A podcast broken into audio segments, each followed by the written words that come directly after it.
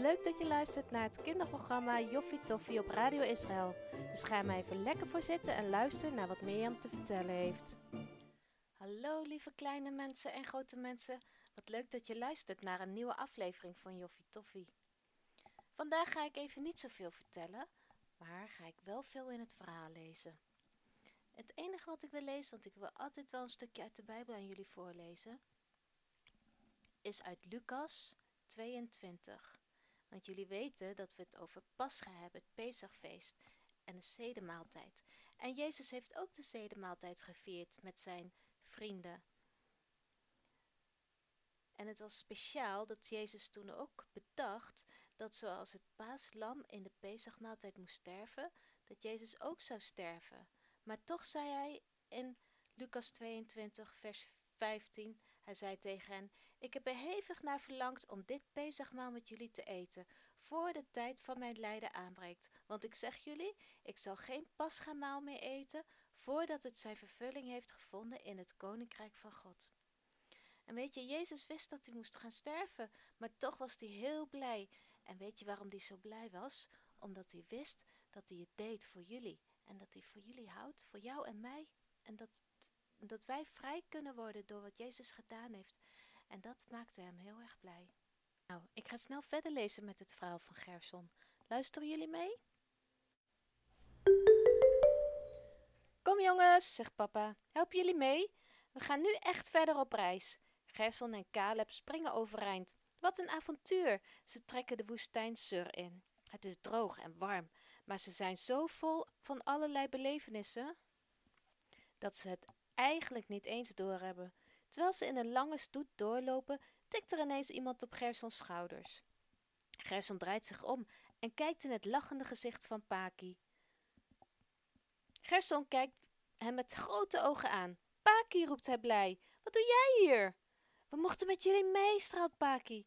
We willen niet langer de goden van Egypte dienen. We willen bij jullie horen en we willen alleen maar de God van Israël dienen. De twee vrienden omhelsten elkaar. Hun grote wens is uitgekomen. Paki en zijn familie zijn ook uit Egypte weggetrokken. Ik was bang dat ik je nooit meer zou zien, Paki, maar nu is het toch goed gekomen, lacht Gerson. En Amon? vraagt Gerson bezorgd. Er komt een brede lach op het gezicht van Paki en hij zegt: Amon zul je ook nog tegenkomen. Ik heb hem gisteren gezien met zijn familie. Gerson is gerustgesteld. Ik ga vlug weer bij mijn familie lopen, maar als we ergens uit gaan rusten, zoek ik je snel weer op, zegt Paki. Terwijl ze verder lopen, deelt mama brood uit. Platbrood. Dat dag, de dag dat ze uit Egypte weggingen, had mama geen tijd gehad om deeg te laten rijzen. Gerson knabbelt heerlijk op het stuk brood. En bij elke stap die hij zet, droomt hij over het land waar ze naartoe gaan. Het land dat God beloofd heeft aan het volk Israël. Het land waar vroeger Abraham, Isaac en Jacob gewoond hebben. Een paar dagen later komen ze aan bij een bron.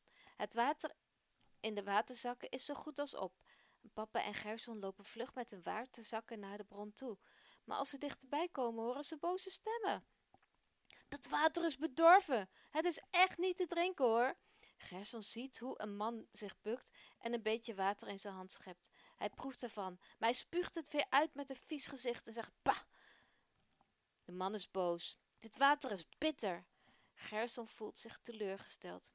Nou zijn we bij een waterbron, pap, maar hebben we nog niks aan, zegt hij een beetje boos. Rustig maar, Gerson, zegt papa. Als onze God een pad kan maken in het water van de zee, dan kan hij ons ook zeker water geven. Gerson merkt dat veel mensen bozer en bozer worden. We gaan naar Mozes, schreeuwt de man, die vlak bij hem staat. Gerson schrikt van die boze stem. Papa probeert de mannen om hem heen gerust te stellen, maar het helpt niet. De mensen beginnen te dringen en gaan naar Mozes toe, en papa en Gerson worden, worden als vanzelf meegenomen. Wat hebben we aan dit water? schreeuwt een boze man tegen Mozes. Het is niet eens te drinken. Wat zal Mozes doen? Zal hij ook boos worden en terug gaan schreeuwen? Zal hij bang worden en wegrennen? Mozes zegt niets terug. Hij steekt zijn hand omhoog. Hij kijkt naar de hemel en bidt tot God. Gerson voelt zich heel klein worden. Wat is dat bijzonder? Mozes komt niet voor zichzelf op. Hij wordt niet boos. Hij vraagt alleen God om hulp. De mensen die eerst zo boos deden, worden stil. Ineens kijkt Mozes om zich heen. Hij loopt een stukje en buigt zich. Eerst kan Gerson niet zo goed zien wat er gebeurt. Maar dan steekt Mozes zijn arm weer omhoog en laat een stuk hout zien. Hij loopt naar de waterbron met het bittere water en laat het stuk hout in het water vallen. Dan pakt Mozes een kommetje wat aan de rand van de waterbron staat en hij schept er water mee op. En komt op Gerson aflopen. Proef maar eens, zegt hij tegen Gerson. Als Gerson een heel klein stukje slokje neemt, lacht hij. Het is heerlijk water, roept hij uit. Zie je wel, fluistert papa in zijn oor. Weer een wonder van God. Het, hij zorgt voor ons. Even later ligt de waterbron alweer een eindje achter hen. De Israëlieten hebben de bron Mara genoemd. Gerson kijkt steeds goed om zich heen. Wat hij nu allemaal ziet. Nu ziet hij alleen maar zand en stenen en af en toe ook een dors struikje. Maar het duurt niet lang of hij stoot Caleb aan. Kijk daar eens, roept hij enthousiast. Caleb doet zijn hand boven zijn ogen en kijkt de richting waar Gerson naartoe wijst. Palmbomen, lacht hij blij. Ik hoop dat we daar even uit mogen rusten. De wens van Caleb komt uit. Als ze dichterbij komen, zien ze niet alleen palmbomen, maar ook waterbronnen. Als ze, al snel gaat het bevel door het kamp. Iedereen moet zijn tent opzetten. Wat heerlijk dat we hier een poosje mogen blijven, zegt mama. Die middag zit Gerson met zijn rug tegen de ruwe stam van een palmboom. Hij kijkt omhoog en probeert op de stam stukjes te tellen van afgebroken stengels van palmbladen. Maar hij wordt er duizelig van. Het zijn er ook zoveel. Helemaal bovenin waaieren de groene bladeren uit. Over een paar maanden zullen er grote trossen met dadels aan hangen. Gerson kijkt zo ingespannen omhoog dat hij niet eens in de gaten heeft dat Paki aankomt lopen. Ha Gerson, zegt Paki, wat zit jij omhoog te staren? Gerson kijkt verrast op. Paki, wat fijn om je te zien. Ga je mee op avontuur? vraagt Paki. Daar is Gerson wel voor in. Ze willen Caleb ook vragen, stelt hij voor. Paki vindt het goed. En samen gaan ze op zoek naar Caleb. Dat is best moeilijk. Er zijn zoveel tenten en zoveel mensen. Tussen, terwijl ze tussen de tenten doorlopen, zegt Paki ineens: Psst, Gerson, ik heb een leuk idee. Zie je die tent binnen, waarmee de tenten zijn vastgemaakt? Zullen we er daar een paar van lostrekken? Gerson ziet het al helemaal voor zich wat er dan gebeurt. Bij het eerste zuchtje wind ten, zakt de tent in elkaar. Hij twijfelt even. Hij vindt het wel grappig, maar als ze gesnapt worden... Paki wacht op het antwoord van Gerson niet eens af. Hij loopt naar een van de tenten en trekt die drie pinnen los.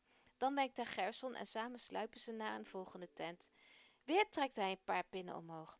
Bij de derde tent gebeurt het. Terwijl Gerson net een pin heeft losgetrokken, komt er een vrouw om de tent heen lopen. Ze kijkt verbaasd naar Paki en Gerson. Gerson bukt zich snel en trekt de touw weer strak. Met zijn voet duwt hij de pin diep in het zand. Wat doe jij daar? vraagt de vrouw.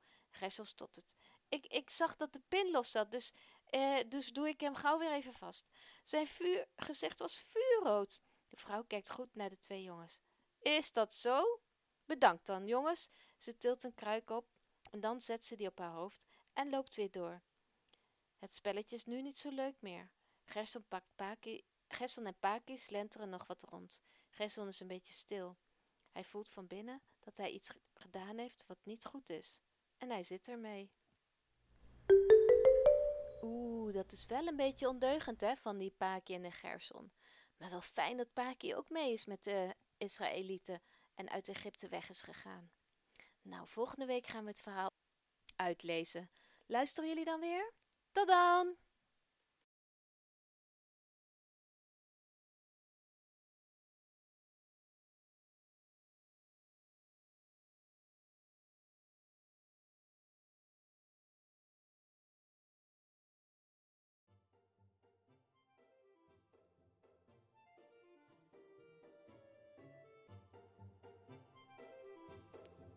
Dit was Joffie Toffie, het kinderprogramma van Radio Israël. Wil je nog graag iets kwijt? Stuur ons dan gerust een berichtje op joffietoffie.radioisrael.nl De presentatie was in handen van Mirjam en we vonden het joffie tof dat je luisterde en hopen dat je er volgende keer weer bij bent.